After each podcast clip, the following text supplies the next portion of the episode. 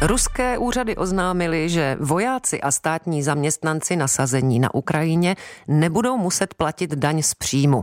Je to další způsob, jak zvýšit zájem vojáků o službu ve válce a získat podporu pro ruskou vojenskou operaci, uvedla agentura AFP.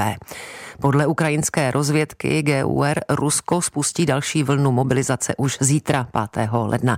A já teď ve vysílání vítám zahraničně politického komentátora a experta na postsovětský prostor kolegu Libora Dvořáka.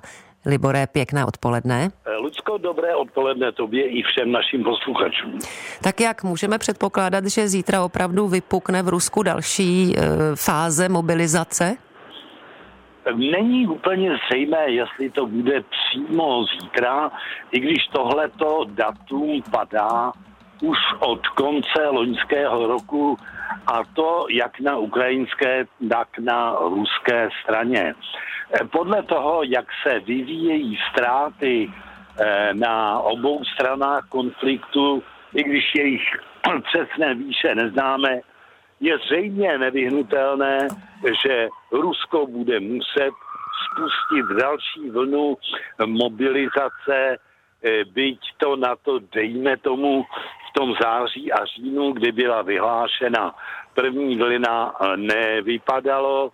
V té době bylo mobilizováno, tuším, 318 tisíc mužů do zbraně a původně Eh, jak prezident Putin, tak minister obrany Šojgu eh, konejšili, že to postačí. Eh, problém je ale v tom, hlavně tedy ve ztrátách ruských už na samém začátku války a tam se obávám podle toho, co říkají dobře informované zdroje, že plně nahradit ty, kteří padli, nebude hmm. možné, protože Rusové si na počátku konfliktu eh, počínali velmi neopatrně a s největší pravděpodobností přišli o tisíce, možná desetitisíce elitních vojáků. Eh, takže je otázka, co ta další mobilizace napraví. No připomeň, Libore, jaké jsou zatím s těmi mobilizovanými zkušenosti. E, samozřejmě už si naznačil, že jedna věc byli profesionální vojáci a druhá věc jsou ty úplně noví odvedenci, ale dá se říci, kde byly ty největší problémy?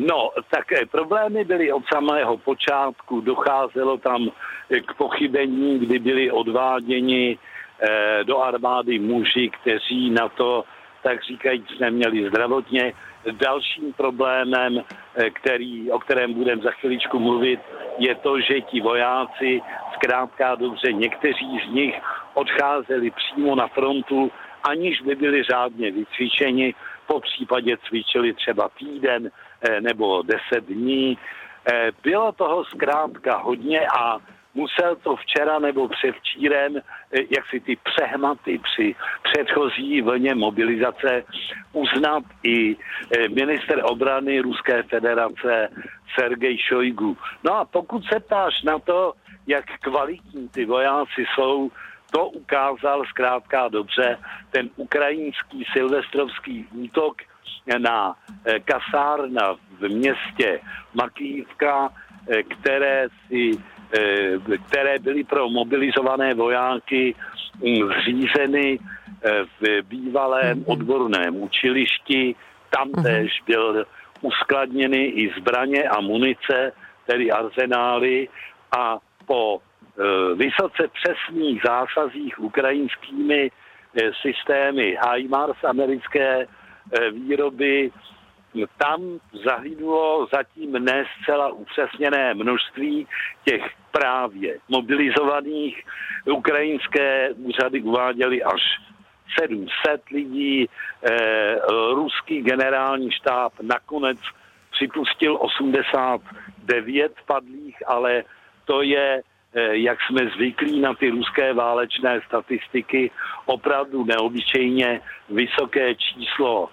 Smutné samozřejmě je, že ti mobilizovaní si s největší pravděpodobností za svou tragédii nemohli sami, eh, protože začali na Silvestra hromadně volat mobily eh, svým rodinám. Ano, ano, víme. No a hmm, hmm. takže ta kasárna byla potom velmi těž, velmi snadno zaměřitelná a podle toho to také dopadlo. Libore, ještě důležitá otázka na závěr, ale poprosím o stručnější odpověď. Ano. Kam nejspíš Kreml ty další odvedence pošle a o kolik mužů by mohlo v té další vlně jít? Eh, tak pokud jde o ten počet, mluví se o půl milionu až půl druhém milionu lidí. Eh, to teď těžko odhadovat, víme, že ta čísla eh, nejsou příliš přesná. No a kam půjdou, zdá se, že pokud bude mít ruské velení takovou možnost, tak bude koukat je umístit na nějaké méně frekventované úseky fronty. Tohle, to je mohly by skončit například v nějakých druhých sledech obraných na Perekopské šíji, tedy na suchozemském přechodu z velké země na poloostrov Krym, ale jak říkám, všechno bude vycházet z toho, nakolik je ta ruská armáda na Ukrajině opravdu podsuchaná, protože není vyloučeno, že místy budou muset eh, obsadit i pozice, eh, kde mhm. by to více slušelo opravdu zkušeným profesionálním vojákům. Uzavírá komentátor a analytik postsovětského prostoru Libor Dvořák. Děkujeme. Pěkný den, Libore.